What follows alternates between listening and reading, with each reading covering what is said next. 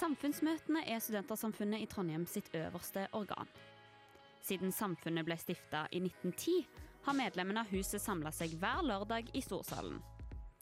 Samfunnsmøtene skal være en arena for å diskutere politiske og samfunnsaktuelle temaer. Og i Storsalspodden så klipper vi bort de litt kjedelige og formelle møtegreiene og gir deg juicen fra Storsalen rett inn i øret ditt. Hei, du hører på Storsalspodden. I dag er temaet kjærlighetssorg, og vi har med oss Mathilde, som har ledet eh, samfunnsmøtet i dag. Hei, hei. Eh, hva var bakgrunnen for valg av kjærlighetssorg som tema? Nei, det er jo slik at uh, vi var ganske nærme mm, valentines. Uh, og det er jo hyggelig med kjærlighet og sånn, men et eh, sentralt aspekt ved det er jo dessverre at ganske mange dumper eller blir dumpa og har kjærlighetssorg. Og så har jeg vært litt sånn opptatt av statistikk, eh, så jeg har lest mye forskjellig på sånn type at breakups-månedene er november og februar. Eh, så har jeg fått litt sånn motfakta at det er andre søndag i januar. Men jeg syns uansett liksom nyåret, januar-februar, to dystre måneder. Mange som blir single.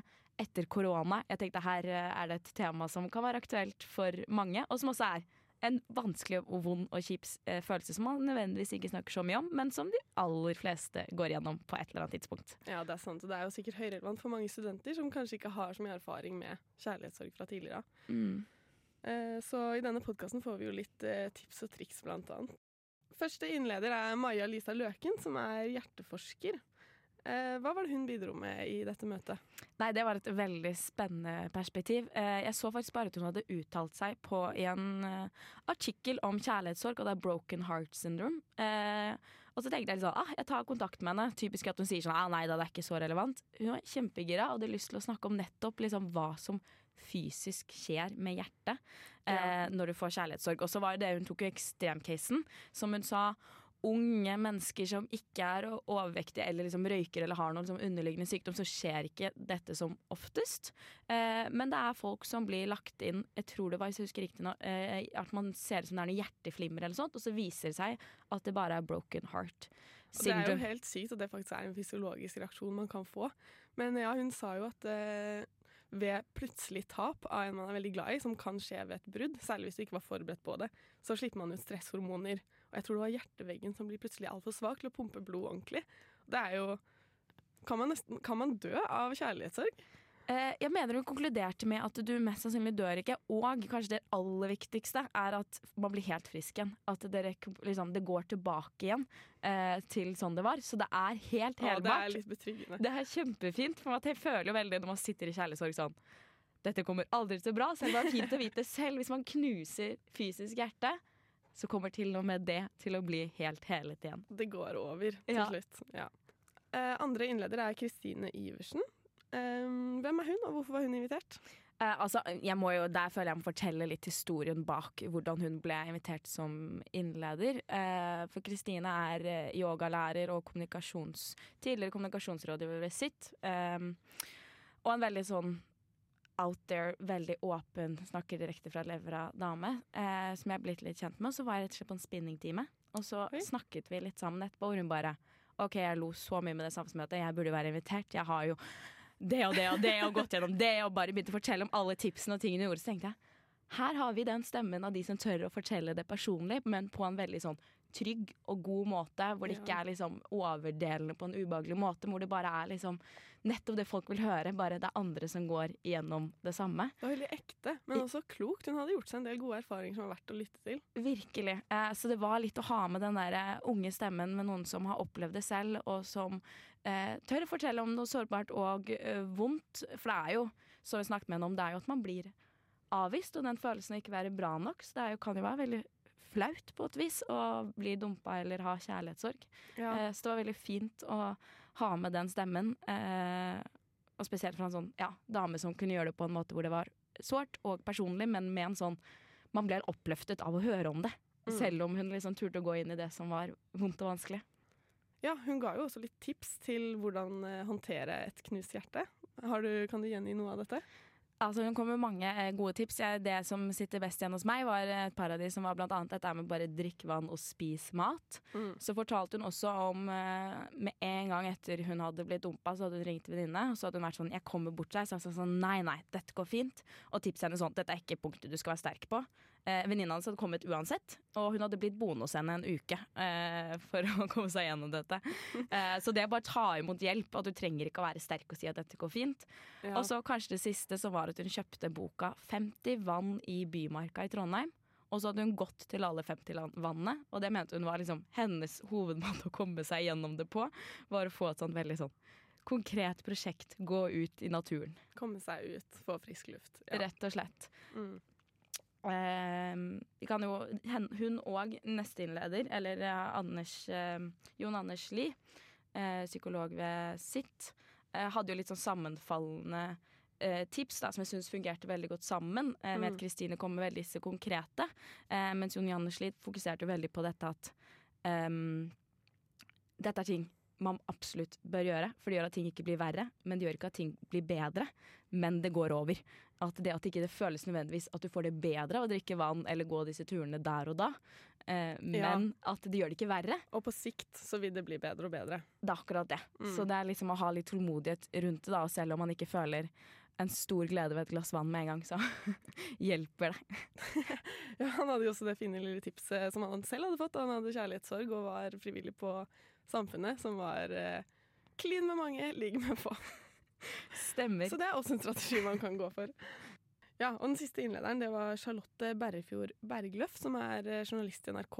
Og det er vel hun som har skrevet veldig mange av de sakene man kanskje har lest eh, om singelkrisen, eller hvor mange single det er i Norge for tiden.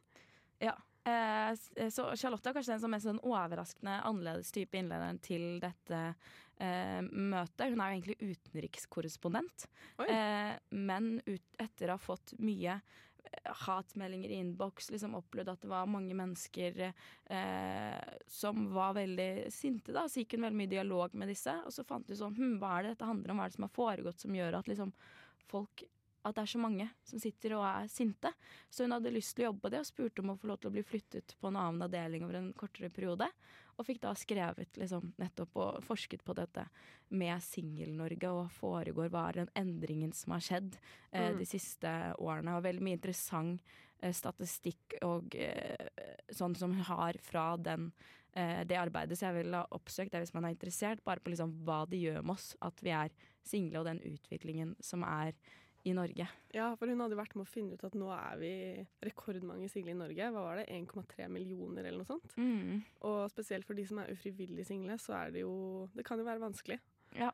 Så sånn sett passer det jo veldig godt inn med de vanskelige deler av kjærlighet som vi har snakket om dette møtet. Mm, og så var hun veldig opptatt, det sa hun også, at de hun hadde møtt eh, når hun rapporterte fra Singel-Norge, var veldig viktig at det var de som var litt eh, proaktive, og de som var eh, ja, eh, ønsket å gjøre noe med det, da, og ikke de som eh, satt og syntes synd på seg selv, eller var sint. altså at det var liksom å Rett og slett de som er ute på datingmarkedet, eller? Eh, ikke nødvendigvis, men sånn som en ene han fortalte om, var, hadde blitt ehm, slutt med kona, han hadde ikke skjønt det helt, og så hadde han forstått sånn Oi, jeg har ikke et språk til å snakke om følelser. Så hadde han eh, startet en gruppe med noen guttevenner hvor de begynte å snakke om følelser. Eh, og liksom innsett at sånn OK, her er det Ja, et steg å ta, liksom. Her er det noe å gjøre noe med. Forbedringspotensialet, rett og slett. Hvordan du kan ta den sorgen og Eh, bruke den til å vokse. Absolutt. Eh, og så bare generelt den viktigheten, da. Kjærlighet, om det så er bare det å ha venner, eh, trenger jo ikke alltid være kjæresterelasjon heller, men liksom hvor viktig faktisk kjærlighet er i vårt samfunn. Å, det er veldig fint, da. Hvordan funket det med disse fire folka sammen, da? Det, var det god stemning på middagen? Altså, eh, Vi har alltid en middag med innlederne før eh, samfunnsmøtet, og det pleier alltid å være veldig hyggelig, men denne gangen her så følte jeg at jeg hadde møtt opp med vennegjeng. Eh, det var for det første en gjeng som hadde utrolig lyst til å snakke, så folk slet jo litt med å komme inn med ordet.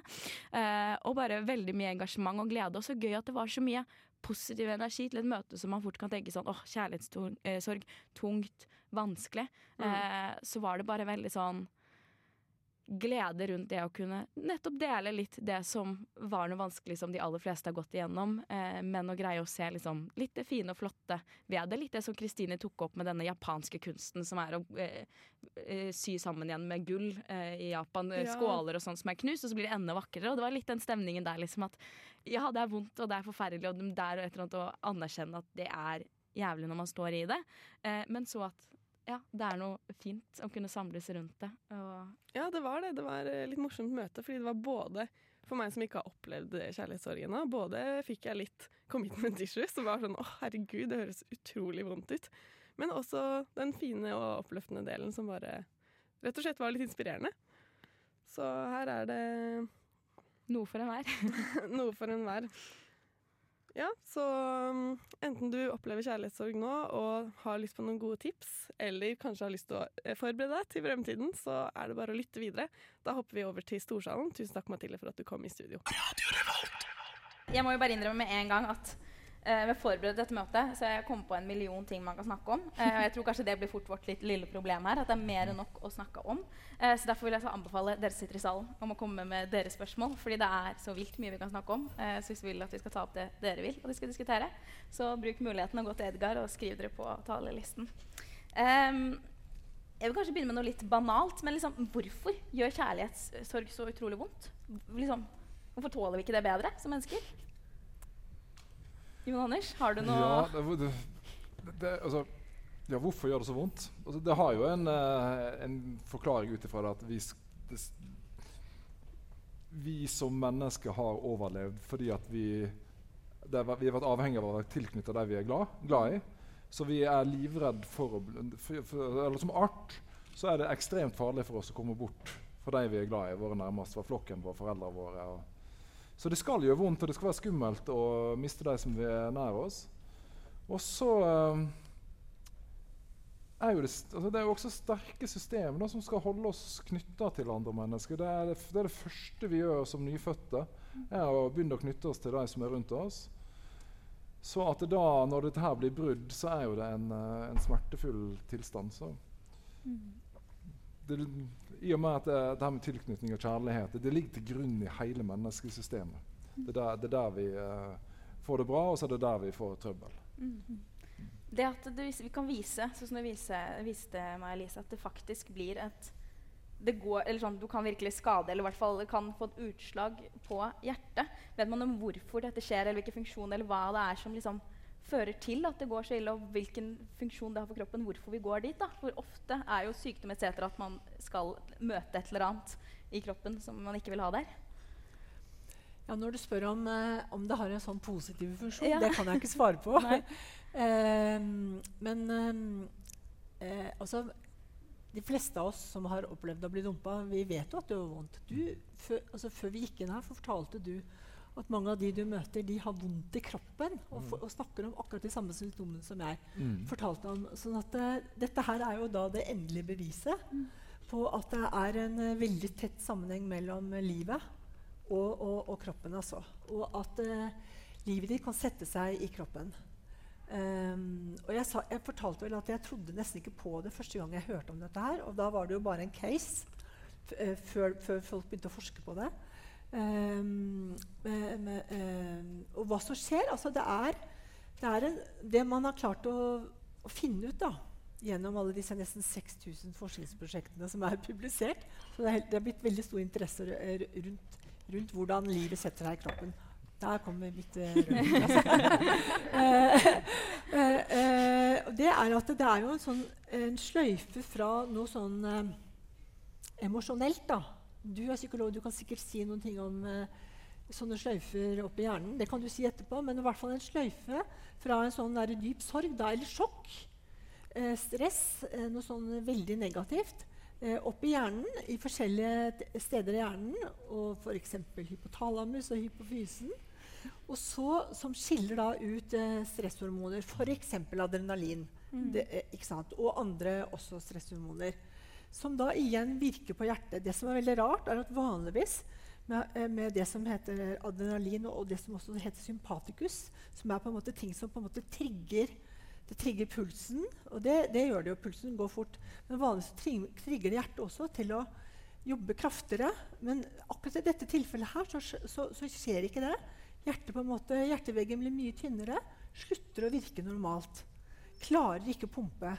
Det er veldig rart. Det er en sånn paradoksreaksjon. Altså. Mm. It's too much. Mm. Rett og slett too much, altså. Ja. Så, sånn at det er akkurat liksom sånn Hvorfor skjer det, og er det noe bra i det? Det kan jeg ikke svare på, men det kan kanskje du psykologisere litt rundt. Ja. Altså, det, det jo, altså, når du sier det sånn som du sier det nå, så er jo det altså, kan man se for seg en, en, en overlevende funksjon her. Mm. Uh, hvis dere har sett, jeg, når jeg var liten, så vokste jeg opp med David Attenborough sine naturprogram. Mm. og Da var det alltid en eller annen antilope som flykta fra en løve. Og På et eller annet tidspunkt så tar jo denne løven antilopen, og antilopen kjemper imot. sant? Men på et eller annet tidspunkt så slutter den å kjempe imot. Den på en måte blir liggende. Og så fins det noen ganske fascinerende YouTube-videoer av at løven blir opptatt av noe annet, og antilopen bare ligger der. Mm. Den har sannsynligvis her et ganske massivt blodtrykkfall.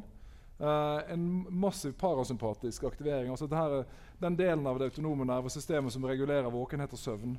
Uh, som de fleste traume altså Veldig mange som er utsatt for voldtekt, husker ikke hva som skjedde og klarte ikke å kjempe imot fordi at dette systemet her blir aktivert. At blodtrykket faller. Du for, for lite oksygen til hjernen, sånn at du ikke helt husker. Det er en ekstremt potent smertestiller. Eh, og også en overlevingsmekanisme. For at løven blir plutselig ikke så opptatt av å, å, å kjempe imot. Og så går det liksom to minutter, så plutselig så spretter den antilopen opp og springer unna. Så det her, denne aktiveringa i det parasympatiske har gått, uh, gått uh, ned eller opp. hvordan det blir. Det, det, uh, antilopen har blitt aktivert igjen og kan stikke av.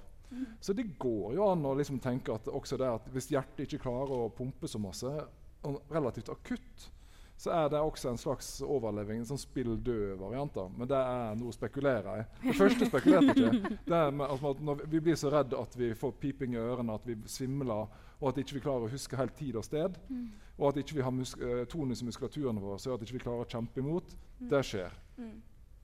Uh, Veldig mange har, en, har, ganske mye skam rundt det her hvis de blir utsatt for noe. Som gjør at de ikke klarer å kjempe mot. Men sånn er vi. Mm. Det går an å tenke inn i dette her også. da. Hvis jeg skal jeg tenkte det går an å tenke at det, eh, når du får så vondt, så trenger du det som du snakket om. Du trenger en venn. Mm. Omsorg. Ja. Mm. Da, da, kan du be om det. Mm. For jeg har jo fysisk vondt. Ja, og hvis du mm. kollapser, da, så får du i hvert fall Enda mer omsorg. Ja. Men der er et spørsmål til deg, Kristine. Hvor opplevde du dette fysiske ved kjærlighetssorgen? Ja, og det er det var utrolig interessant. Fordi, og det er derfor jeg synes det var så gøy å høre litt sånn eh, om det faktisk, eh, den påvirkninga det har i hjertet. For det var, for min sin del så var det nå, Det her bli litt dramatisk. Um, men som yogalærer så har jeg massevis av yogaprops også. ikke sant? Så jeg har liksom sandbærposer og liksom øyeputer. Ting som veier jævlig mye. Um, fordi det var akkurat som at det noe holdt på å bryte ut av hjertet mitt. Og det, var, det føltes både tomt og tungt samtidig. Um, og jeg hadde et sånt enormt behov for å ha vekt, rett og slett. Og jeg fikk ikke sove. Uh, så min løsning var da å hente to sånne sandposer hvor hver av dem veier to kilo. Der, der. Og så tok jeg øyeputene mine, som egentlig bare er sånne fine sånne rissaker, Og så putta jeg der og der og der. Og fordi jeg er litt spacey, så tok jeg en sånn bitte liten rosa krystall, og så putta jeg den der. Og så sov jeg som en stein. Og så våkna jeg opp, og så var ting liksom litt bedre.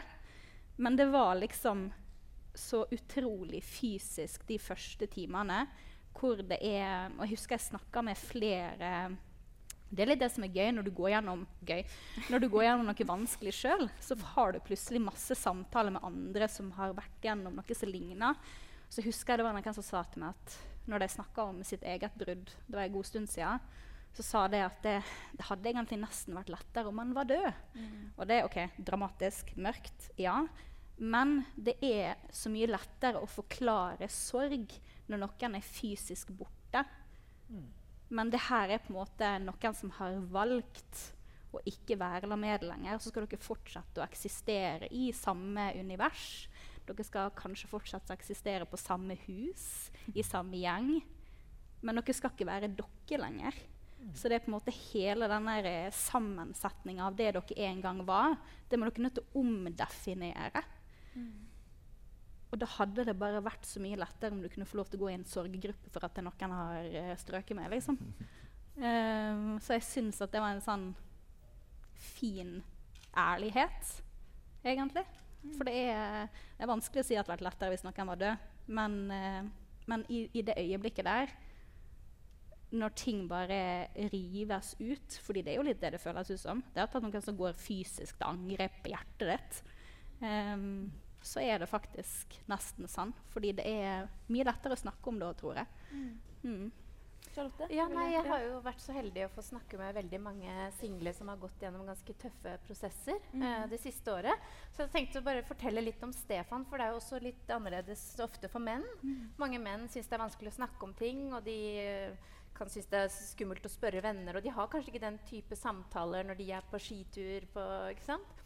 Eh, og så forteller Stefan, da, som da plutselig blir dumpet av konen sin Det kommer som lyn fra klar himmel for han. Eh, han går rett i kjelleren, føler på alt dette fysiske, er bare totalt slått ut. En veldig sterk, eh flott mann som bare mister helt grepet. Eh, og det er her jeg også har lyst til å nevne dette med spiren til noe nytt. For det som skjer med han, er at han skjønner at jeg må ta grep. det er for dyrt å gå til psykolog, så han begynner å lete på nettet. Finner alle mulige rare triks og knep, og gjerne på amerikanske og britiske nettsider. Han bare setter i gang. Han bare OK, eh, om det virker kjempedumt, jeg driter i det, jeg bare gjør det. Mm. Et av eh, tipsene var å ha en sånn strikk rundt eh, håndleddet.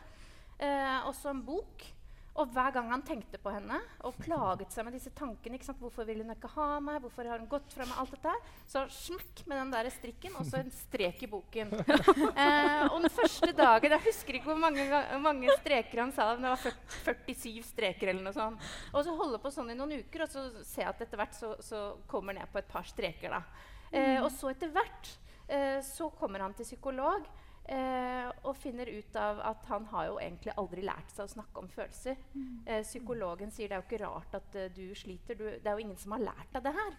Eh, og hun gir han da en bok, barnebok om følelser, rødt og grønt. Og han får en sånn eureka. Bare jøye meg! Plutselig faller brikkene på plass. Det er lov å snakke om følelser. Eh, og han er på hyttetur med, noen, med en kompis, og han kompisen bare Yes! Hva er det som har skjedd med deg? Aldri hørt deg prate sånn her før. Og ved at han da har åpnet opp, så åpner vennene opp. Og så får de liksom en helt annen samtale seg imellom og løftes opp til et helt nytt nivå. Mm. Eh, Stefan lager seg en blogg, får masse respons og blir en helt ny mann. Og blir en mye bedre pappa enn han kanskje var, og blir en helt annen Stefan enn den han var, og en Stefan som han føler seg mye mer eh, hjemme og glad i i dag. Da. Så for han så ser han jo på en måte at han skjønner hvorfor det gikk som det gikk. Mm. Eh, og det at han da ble At hun gikk fra ham, det gjorde at han også fikk eh, sett sin historie i perspektiv. Eh, det er sikkert mange skilsmissebarn her. Jeg er skilsmissebarn. Vi har mye mye høyere risiko for selv å bli skilt. Eh, rett og slett fordi vi har foreldre som er skilt. Mange sånne sånne eh, statistikker og sånt som er interessant å se på. Og han begynner å sette seg inn i dette her og få liksom en større forståelse av hans familiehistorie. Hvordan familiehistorien har påvirket den han er, og hva han kan gjøre, og hvilke grep han kan ta for å skape seg en ny kurs til det beste for barna sine og seg. Mm. Så utrolig inspirerende. Og, ja, så det, er, det, er, veldig fint å se at du, hvis du våger da, å åpne opp overfor vennene dine så vil de sannsynligvis bli veldig glad. For det, det jeg merker i alle jeg intervjuer, uansett hvor det er i verden, det er at alle liker å vise omsorg. Mm. Alle har lyst til å bry seg om hverandre. Mm. Og hvis du gir noen en sjanse til å bry seg om deg når du har det vondt, så, så vil det skape noe nytt. Mm. Men der er et spørsmål, for Jeg diskuterte en del med venner, og det er om generelt faktisk gutter kommer dårligere ut av et brudd, også hvis det er de som er forlatt, bare ved at de monterer brudd i større grad. Selvfølgelig sier jeg ikke Alle skal ikke skjære alle over en kam, men i større grad håndterer det alene. Mm. For i hvert fall De fleste liksom, jentevenner i Att sånn, så har det vært mye det å være sammen, samle seg, eh, at de har folk rundt. Men jeg har ikke opplevd hvert fall med mine guttevenner at det nødvendigvis er likt. da, At det er mm. mer en sånn sorg og en håndtering av det som er veldig eh, ensom. Eller i hvert fall ikke trenger å være ensom, da, men man gjør det veldig alene. I hvert fall. Det er veldig, eh, ja. Er det, er det, en forskjell der, faktisk? Eller vet man hvordan det er, er om det er en forskjell mellom kjønnene der? Eller, ja. Altså, jeg, jeg, kjenner ikke statistikk akkurat på det med, med, med kjærlighetssorg og med brudd. Men menn topper en del dystre strat, uh, statistikker, f.eks. når det kommer til selvmord. Mm. Uh, man uh, lykkes i hvert fall oftere. Ofte fordi man bruker mer dramatiske metoder. Menn søker sjeldnere hjelp. Det er betydelig færre mannfolk som, som kommer til oss på, på psykisk helsetjeneste på sitt. Det er færre menn i, uh, i, på, på uh, distriktspsykiatriske senter, altså i det offentlige psykisk helsevern. Um, og så er jo det fortsatt det, det, er, det, er, sånn fortsatt at det er Mannsbildet er at du skal være Det er heldigvis på Myknes, men det, det, er fortsatt sånn at du skal være en som mestrer ting. Du skal være Eh, I sammenligning med damer fall, du skal ikke snakke like mye om følelser, du skal ikke gråte på samme måte. Det er fortsatt en del som lærer bort søn til sønnene sine at man ikke skal gråte. Store gutter gråter ikke. Ta det sammen. Uh, og da kommer sorg og mer sånn såre følelser mer ut som i sinne, som i uh, alkoholbruk. Uh, og tilbaketrekking. At man ikke åpner seg og ikke snakker om ting. Og det er en risikofaktor for det meste innenfor psykisk helse. Mm. Uh, og også i forhold til, Vi ser jo det på høyere utdanning nå. så Menn faller bak. Det er færre menn som tar høyere utdanning. Det er færre uh, menn som går på universiteter. Mm. Så um, det, vi, vi, har en, en, en, jobb å gjøre, vi mannfolk, i forhold til det å åpne oss og snakke om ting og passe på oss sjøl og passe på hverandre. Mm. Mm. Ja. Jeg, jeg har også sett på det i forbindelse med den researchen. Og i fjor så var jeg intervjuet to menn som sitter og prater sammen i en garasje. Rett og slett eh, pga. all den dystre statistikken. Da, prøve å se ok, hva gjør de, og hvordan gjør de det. Eh, og da fikk jeg utrolig mange e-poster etterpå fra menn som sier nettopp og bekrefter dette. da. Um, men så så vi også da, på statistikken i forbindelse med Singel-Norge at vi ratifiserte jo uh, den FN-konvensjonen for likestilling for uh, over 40 år siden her også. Um, og det krever jo at vi alle uh, på en måte skaper rollene våre på nytt. Uh, det blir nye, nye, roller som kvinne, nye roller som menn. Mm. Og hovedpoenget må jo være at det skal også være til barnas beste. ikke sant? De kommende generasjoner. Mm. Uh, og når jeg skulle intervjue de to mennene i garasjen, så var det litt sånn De sitter og utfordrer hverandre. Er, de har en sånn YouTube-talk hvor de liksom snakker om følelser og sånn, i håp om at andre vil gjøre det samme, og, og, og oppfordrer til det. Og så sier han en til andre ja, hva, hva forventes av mannen i 2021? Og så tenker Jeg jeg har aldri gått rundt og tenkt på hva forventes av kvinnen i 2021. Altså, hva, hva identifiserer du deg som, eh, og på hvilke plan? Du kan kanskje se, Er du en mor? Er du en venn? Er du en kjæreste? Er du en kollega?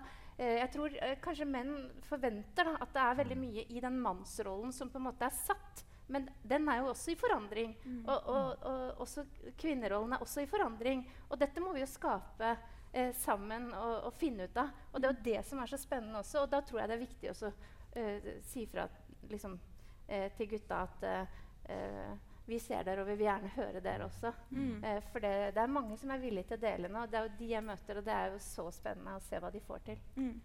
Eh, jeg vil at VK, Vi har fått med oss litt hjelp fra MG Video, som har rett og slett vært på campus og snakket litt med studenter om kjærlighetssorg. Så hvis VK, VK kan vise, kan vise den videoen, så hadde det vært supert.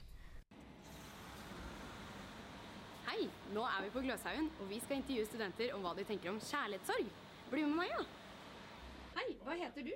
Uh, jeg heter Audun. Daria heter jeg. Jonas heter jeg. Helene. Jeg heter Mathias. Jeg heter Ida. Jeg, heter Alexander Frede. Har du opplevd kjærlighetssorg? Uh, ja, jeg vil si det. Ja, det vil jeg si jeg har. Mm. Ja, det vil jeg si. Ja. Ja. ja. Nei, det har jeg faktisk ikke. Uh, ja, det har jeg. Ja. Har du lyst til å fortelle litt mer om det? Nei.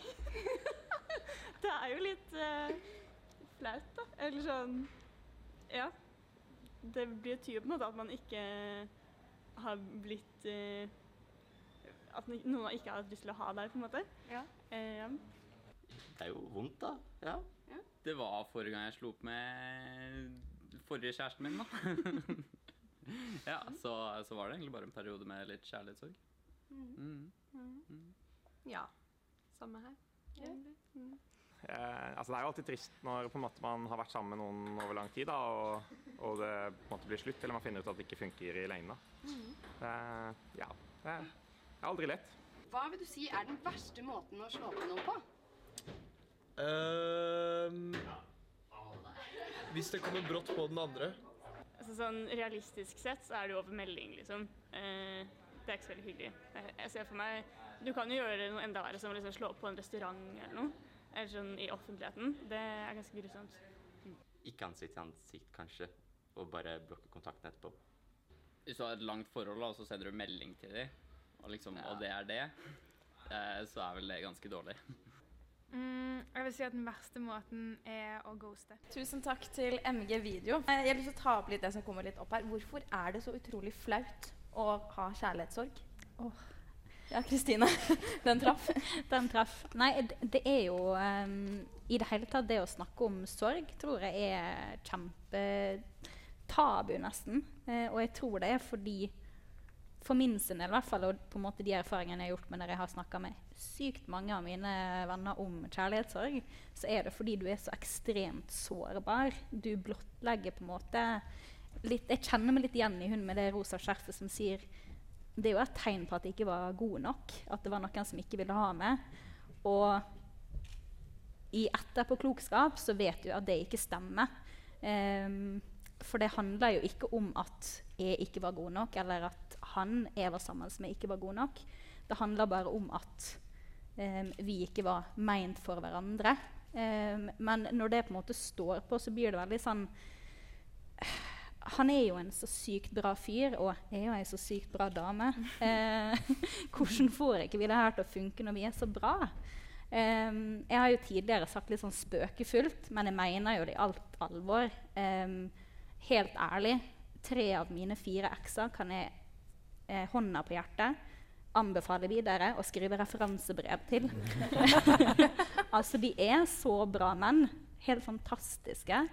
Um, en av de får ikke lov til å få referansebrev, men det uh, mulig at det han har endra siden, siden 2010, så fingers crossed. Um, men, et, men, det er liksom Du føler det i det øyeblikket når det står på som verst, så sinnssykt ubrukelig, mm. rett og slett. At det er det du ikke engang klarer å mestre kjærlighet. Noe som liksom skal være så enkelt, og som kommer så lett til deg. ikke sant? Med alle de her store, fantastiske følelsene. Men store følelser, om de er gode eller dårlige, det er skikkelig vanskelig. Store følelser er tøft å snakke om fordi det som jeg opplevde, i hvert fall, var at det, som ganske godt voksen så hadde jeg nesten egentlig heller ikke vokabularet for å snakke om den type store følelser. Så jeg følte meg litt som en av de her guttene som kommer inn og bare Help me, I'm feeling, på en måte. Um, og så trengte jeg hjelp da, til å finne ut hva i alle dager slags ord jeg skal sette på det her. Mm. Um, men ja, jeg tror det er der det ligger. Jeg har et oppfølgingsspørsmål, men enn så lenge så kan Herman Kolden gjøre seg klar til å stille sitt spørsmål. Uh, men du var jo litt inne på det i din innledning, og det er jo det at kjærlighetssorgen er det er kjærlighetssorg, men det kan jo ofte være mer ting. Da. Det handler om mer enn kanskje bare akkurat den kjærlighetssorgen. Hva er det liksom kjærlighetssorg kan utløse, eller er, hvordan spenner det om seg? Vi, jeg, jeg tenkte på en ting som uh, jeg har opplevd i sånne situasjoner. Det er det at uh, man er altså En ting er at det er skam og flaut og litt sånn pinlig. Mm. Ja, negativt. Men er, man er også ekstremt sårbar mm. i forhold til det som da er igjen av venner. Ja. Og det er sånt, eh, en sånn krise der du på en måte definerer vennene dine enten liksom enda nærmere deg, sånn som din Maren, eller at du på en måte slår opp med noen venner også, fordi de klarer ikke å håndtere deg i den krisa. Mm. Så det er en ganske sånn det er ikke bare liksom det tapet, men det er også andre ting som skjer. Men som også åpner muligheter for nye vennskap. Du har ekstremt uh, behov for å bli møtt. Mm. Uten at jeg kan si akkurat hva som er den riktige måten. Men, men uh, det er mange ting som skjer i et sånt nettverk. Mm. Uh, ja. Mm. Har du noe du skulle ville legge til? Ja, altså um, i forhold til, det, Jeg tror det er helt riktig man har veldig behov for å bli møtt. Og så tror jeg også at det er det fins ikke noen riktig eller gal måte. Det viktigste er bare å vite at det er noen. så det er på et tips. For det er ganske mange som, som har hatt uh, når, når, sorgen er ganske stor, som føler at folk prøver seg desperat å gjøre det rette. Mm. Uh, Det er ikke noe rett å gjøre. Det viktigste er bare å være det. Ja. Mm. Og så tenker jeg også litt at kanskje ja, Nå eh, tenker jeg kanskje mest på menn, for du sa 'help me, I'm feeling'. Jeg tror faktisk at problemet er kanskje motsatt. At uh, de kommer inn på kontoret mitt og sier 'help me, I'm not feeling'. Mm. Fordi at det er litt sånn som jeg var inne på på innledninga mi, så hvis man har Hvis det er noe som er litt komplisert her, da, altså hvis det er et, eh, noen som har vært utro, eksempel, så er du nødt til å klare å forholde deg til at du er, i tillegg til at du er i sorg, så er du også rasende. Mm. Og sinne er en komplisert følelse. Vi, den er utrolig livgivende, og vi trenger den alle sammen til å sette grensene våre. Men den kan også være ganske kraftfull altså, når, er, når, det er noen som har såra deg ordentlig. I hvert fall hvis du har en bagasje av å ha blitt såra litt fra før. At det trigger litt sånn gammelt sinne også. Mm. Og da er det ganske mange av oss som skrur av.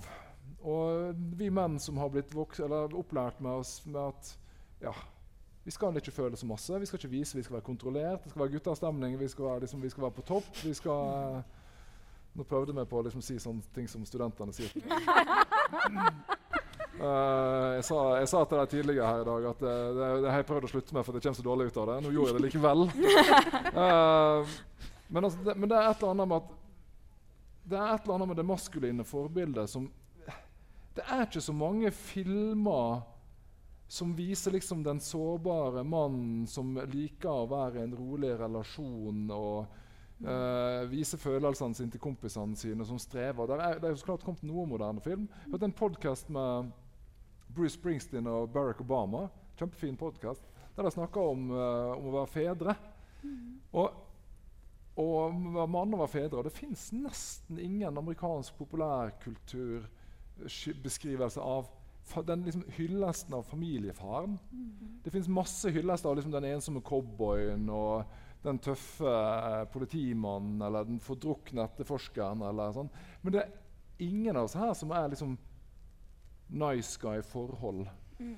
Så det er også noe med liksom det, hvilke ideal har vi her i forhold til å vise har du en opplevelse med dette med at kjærlighetssorg er mer enn bare kjærlighetssorgen? Ja, og, og, det du peker på der med populærkulturen er også viktig, for vi pumpes jo fulle av amerikansk populærkultur. Eh, og vi må huske at vi er kommet mye lenger i forhold f.eks. For likestilling da, i Norge. ikke sant? I USA var det for mange helt uh, umulig å stemme på Hillary Clinton fordi hun var kvinne. Mm. Altså, så det er store forskjeller her òg, hvor vi har litt uh, andre muligheter i Norge. Men jeg tenkte på det i forhold til det med at det er jo en jobb. Altså Den sorgen det er en skikkelig jobb å skulle komme gjennom den. Eh, og vi har en podkastserie i NRK som heter Havarikommisjonen. Mm. Der tidligere par forteller om eh, sine samliv og sine brudd. Og hvor eh, ekspertene, altså psykologer, forklarer hvor det gikk galt. Anbefaler den på det aller sterkeste. Eh, og jeg har jobbet også litt med den. Og da var det en av de jeg intervjuet, som sa at det er liksom en sånn forventning om at du skal bare gå så lett av sted videre. Mm. En mor som da eh, De ble fraskilt, eh, to barn. Eh, hun fikk en høy stilling. Skulle liksom bare kjøre på videre. Fordi vi nå eh, Det er ikke tabu lenger å skille seg. ikke sant? Men så får du den forventningen om den lykkelige skilsmissen. Eh, og så møter du da veggen et år senere, for da har du kjørt et så hardt løp uten å ta hensyn til den jobben du faktisk må gjøre med dette hjertet som rett og slett må Heles. Pleies. Må pleies. Mm. Da tror jeg vi skal la Herman Kolden holde, stille sitt spørsmål. Hallo, hallo. Jeg heter Herman. Jeg er fornyet medlemskap i dag. Så jeg er medlem. Eh, trikset nå er jo å få omikron så fort som mulig, sånn at man er immun når omikron, omikron pluss kommer. Eh, er det på en måte litt sånn i Katsubo også at hvis man får det tidlig mens man er ung, så unngår man å dø? Eh, som en slags immun immunisering. eh, men det er egentlig spørsmålet. da Blir man flinkere på å håndtere kjærlighetssorg hvis man gjør det flere ganger? Det er spørsmålet. Ja, tror jeg. Ja. ja. ja. I forhold til de intervjuene og de forskerne og alle jeg har snakket med, og min egen erfaring eh, Hvorfor så, så det? Eh, det er som en muskel. Mm. Du må trene den. Nå, dere vet dette bedre enn meg, men, uh, men uh, det tror jeg, jeg tror det. Enig. Altså, eh, jeg, har blitt, jeg, har opplevd kjærlighetssorg i flere hva heter det for noe, i all, flere aldersgrupper. Jeg, jeg, jeg ja. I flere faser av livet. Faser av livet. altså, det er like jævlig mm. om du er 15 eller om du er 55. Like jævlig. Like vondt. Men du har flere verktøy. Mm. Det er det du vet. Ja. du vet, vet, at du trenger vennene dine, du trenger å Begynne å trene. Gjøre morsomme ting. Ja, du har litt mer i verktøykassa, men det er like, like tøft, altså. Mm. Men jeg tror det er litt det som er clouet. Det er jo som alt annet. Altså, som studerende og studenter så vet jo dere sammenligna med hvor du var når du begynte førsteåret ditt i Trondheim, og på en måte tredje, fjerde, femte året, sjuende, åttende, um, så, så, kan du helt sjukt mye, mye mer enn når du først starta. Du kan å skrive semesteroppgave nå. ikke sant? Du kan å transkrivere. Um, det er ikke gøy, men du kan det. Så det er på en måte en, det, det er en treningssak, tenker jeg, litt som alt annet. Og så er det litt sånn Ja, det er jævlig, men det er greit. Det er liksom, Livet ditt er mest hverdag uansett, så det går jo over. Som ikke er hjelpsomt, som vi fikk vite av Knaus, men, uh, men, det gjør jo det. Um, det er det. Det er litt godt å ha kjærlighetssorg også, fordi det Snakk for deg sjøl. Ja. Nei, men jeg, men jeg syns det. fordi det det, det det, har fortalt meg, i hvert fall, er det at jeg har et hjerte som funker. Mm. Uh, så det er jo en sånn god liten sånn, jeg Sikkert at jeg har lyst til å drive gå rundt og liksom, ha kjærlighetssorg annethvert år bare for å kjenne at jeg lever.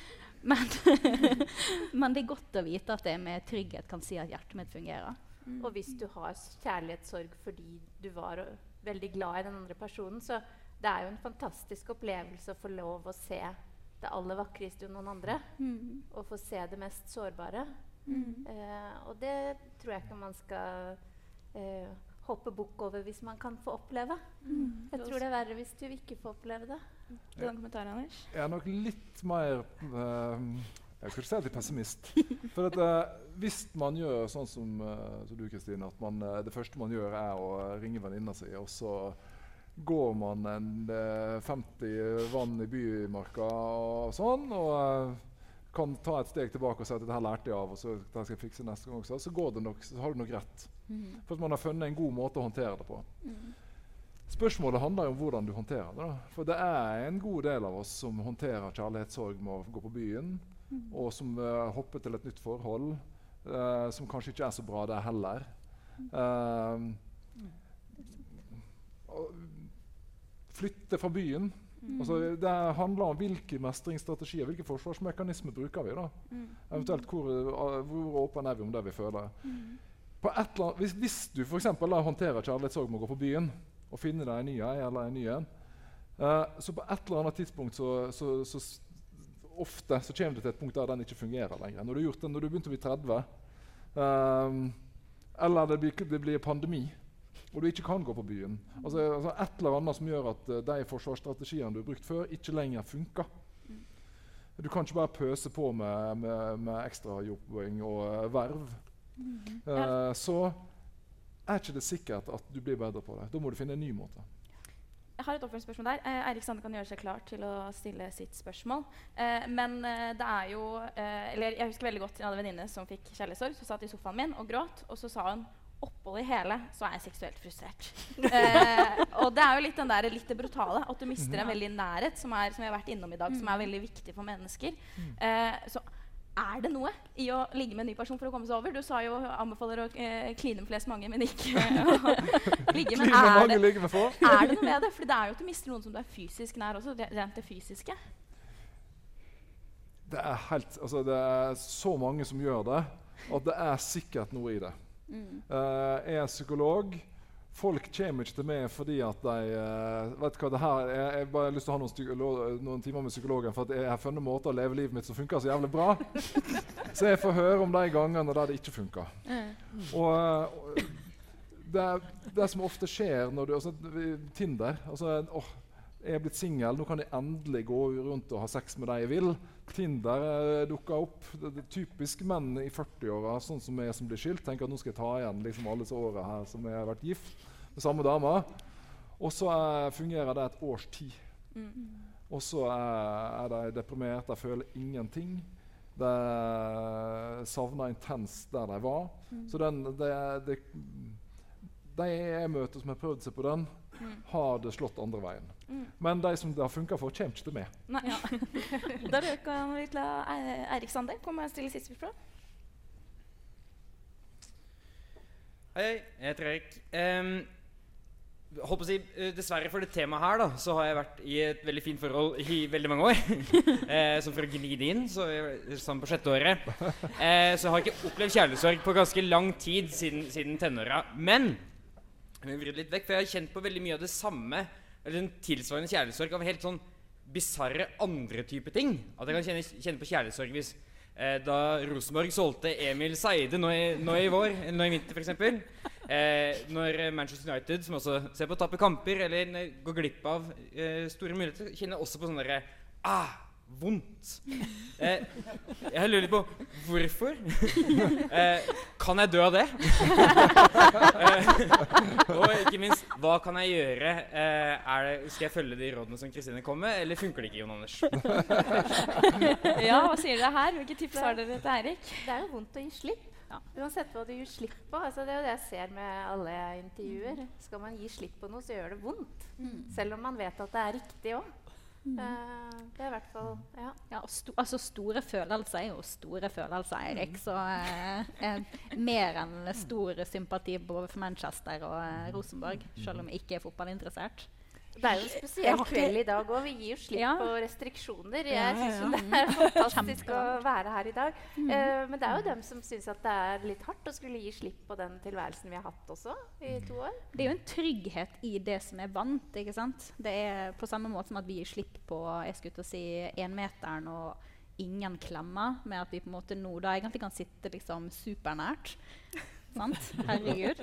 Uh, og at jeg nå da kan skulle si, fritt kaste rundt klemma. Eh, men så har jo det vært en trygghet i det at det har vært avstand og um, Jeg har visst i sosiale settinger at det er på en måte den ene fjerdedelen av kroppsspråket mitt som er klem. Um, det er ikke greit lenger, og nå plutselig skal vi gi slipp. Og det tenker jeg, Gir du slipp på en fotballspiller og versus på en måte dama di, så er jo jeg håper kanskje at du kjenner litt ekstra mer på det hvis du hadde gitt slipp på Anne, men who knows. Um, men ja, jeg, jeg, jeg, bare tenker at det er store følelser er store følelser. Mm. Mm. Altså, det er jo en måte å gjøre noe med dette her på. Altså, for det første kan du så klart skifte lag bort fra Manchester United. jeg har et forslag til deg, hvis du kan ta en prat om det. Heia TIL, sier jeg. Heia TIL, ja. Nei, uh, Løsninga på dette er å slutte å bry seg om ting. Mm. Ja, det vil vi ikke. Uh, nei, vi vil jo ikke det. Nei. Så alternativet til å ikke bry seg er jo at uh, det gjør litt vondt av og til. da. Mm. Uh, as simple as that. Altså, men, men det, er jo, det, her er jo depresjon. Altså det å ikke bry seg. Mm. Det er jo når det blir så vanskelig av en eller annen grunn at vi på en måte bare skrur av. Uh, da blir det enklere Da blir det enklere å forholde seg til at uh, at uh, dama di var utro, og at hun hadde vært utro lenge bak ryggen din. For du slipper å kjenne på at du har både dårlig samvittighet for at du ikke klarte å snakke om følelser. Du slipper å være så forbanna at du nesten kunne kvært henne. Mm. Og du slipper å sørge. Mm. Men du mister jo alt annet også. Mm. Så uh, det her er en måte depresjonens dilemma på et eller annet vis. Det handler jo ofte om å skru på igjen og komme seg gjennom det på en annen måte. Og det er vondt, altså. Ja. Depresjon eller rett og slett bare avflating? At du skrur ja. av. Det er ikke ja. depresjon engang, du er bare helt flat. Ja, anbefales, ikke, anbefales ikke. Jeg har ikke lest om noen som har fått tokustokusubo av uh, å miste en fotballspiller. Men før jeg kom, gikk inn her i stad, så, så, leste jeg om en som mistet hunden sin. Mm. Det er også følelser. Mm. Klart, livet mm. skal jo være følelser. Vi, og, og, da skjer sånne ting. Mm. Og det med kjærlighet er kanskje noe av det verste. Og så ser jo du at det er ikke så uvanlig at uh, et, hvis du har et ektepar som har vært sammen uh, veldig lenge, som er veldig viktig for hverandre Når den ene dør, så dør straks den andre også. Mm -hmm. Og akkurat hva det er vi, vi, kan jo tenke symbolsk for det at livet blir ulevelig. At man bare velger å dø. Mm. Så kan man sikkert tenke mer sånn kroppslig at uh, det er en så voldsom stressreaksjon at immunforsvaret vårt går rett i bøtta. Mm. At man dør. Mm. Det har også vært uh, via via um, folk som har hatt nesten fysiske lammelser. Det var en dame som hadde en lammelse på høyre side. På den sida mannen hennes alltid hadde ligget i senga. Mm. Som en intens, voldsom, som, sånn, nesten sånn symbolsk sorgreaksjon. Ja. Mm. Da kan Tale Berling gjøre klar til å stille sitt spørsmål. Og så snakket jo litt i stad, fikk et spørsmål her om liksom litt hva er det positive, kan man bli bedre på kjærlighetssorg? Men så er det jo også det med å eh, enten bli dumpet eller dumpe Nå ligger mye i den der frykten for om hva om jeg ikke bare er hva om jeg ikke bare er bra nok? Hva om ikke dette får jeg til? Hva om ikke dette går?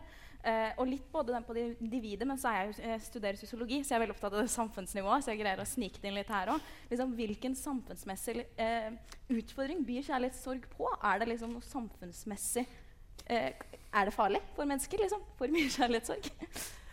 Jeg vet ikke med kjærlighetssorg, men jeg vet at fravær av kjærlighet eh, kan jo, som jeg sa, være politisk eh, sprengkraft. Altså, etter Trump, eller rundt Trump og brexit, da, de valgene der, så har vi fått mer og mer og mer hatmail, eh, vi som er journalister. Og det er gjerne når jeg skriver om ting som har med identitetspolitikk å gjøre, at det trigger noe i folk. Mm. Eh, og de sender det sånn umiddelbart inn.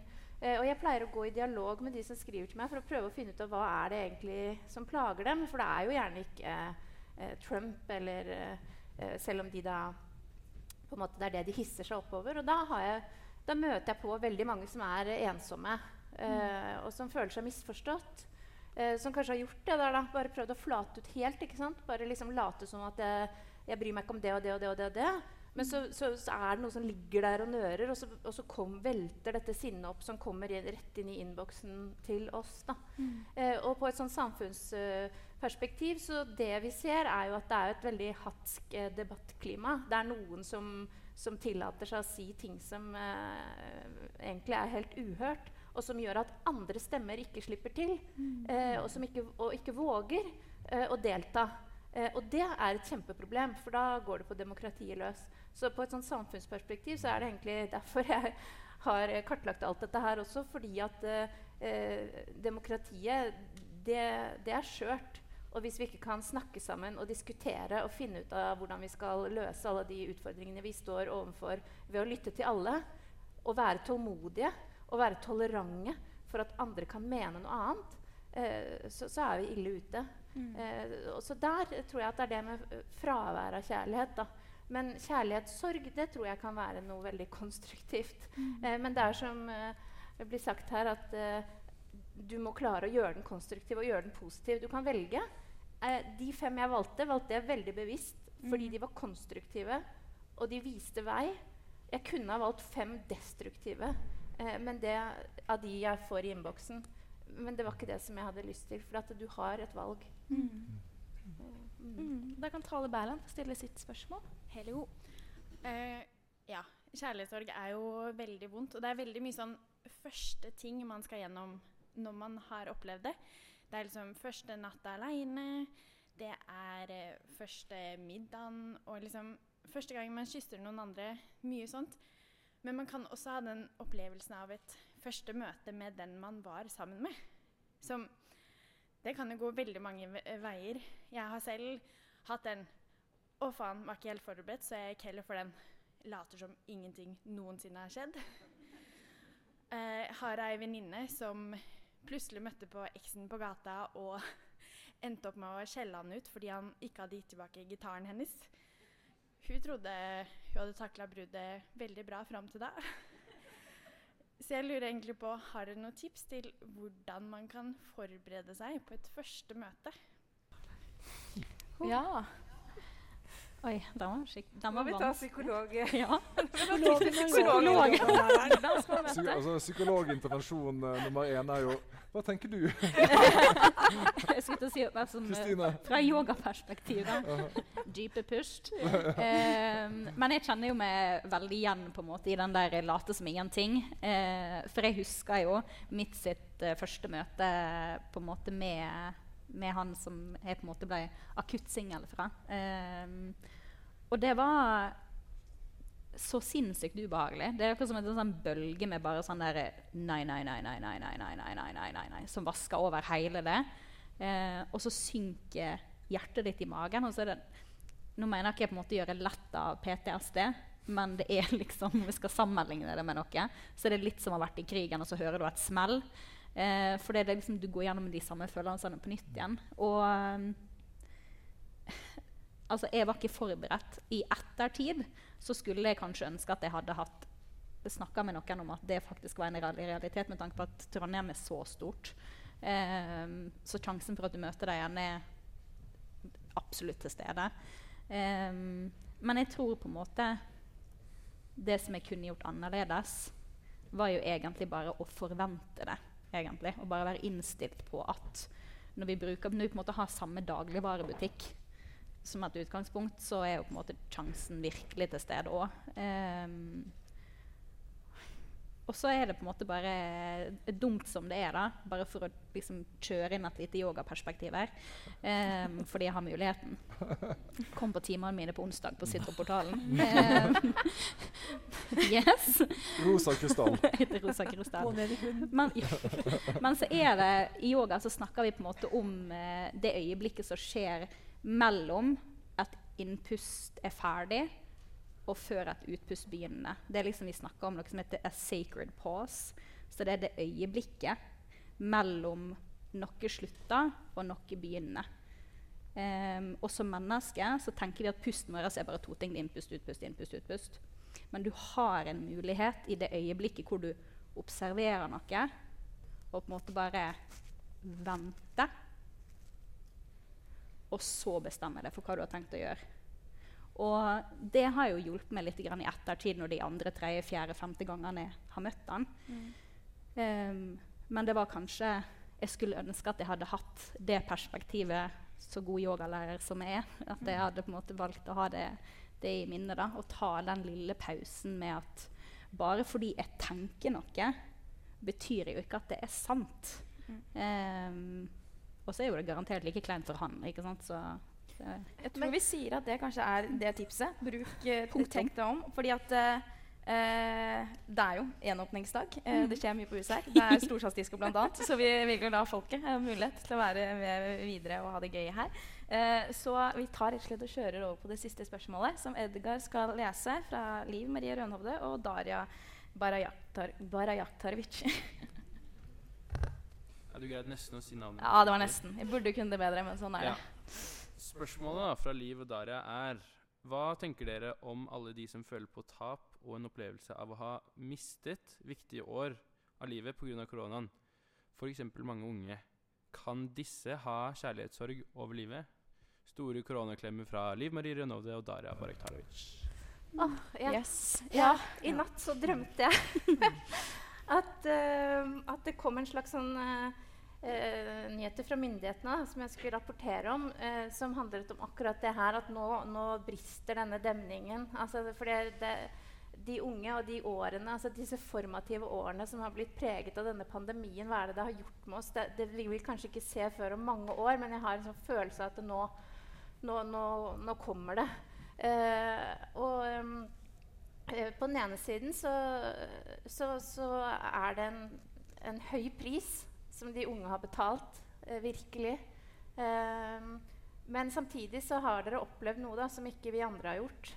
Eh, og hva det vil gjøre med livene deres. Om dere vil leve, klare å leve mer i nuet. da, Og gripe de sjansene som er når de kommer. Fordi man vet aldri når det stenger ned igjen, eller når det, når det skjer en ny vending. Mm. Eh, det vet jeg ikke, men, eh, men, vit at vi føler utrolig med dere. Og, og, prøver å finne ut av det her. Og som journalist så vil jeg veldig gjerne høre hva dere føler og tenker, og hvordan dere har det. Mm. Er det noen som vil ha en siste lille kommentar? Eller, det var fantastisk, det var vakkert. Jeg tror vi rett og slett uh, runder av fra sofapraten med det.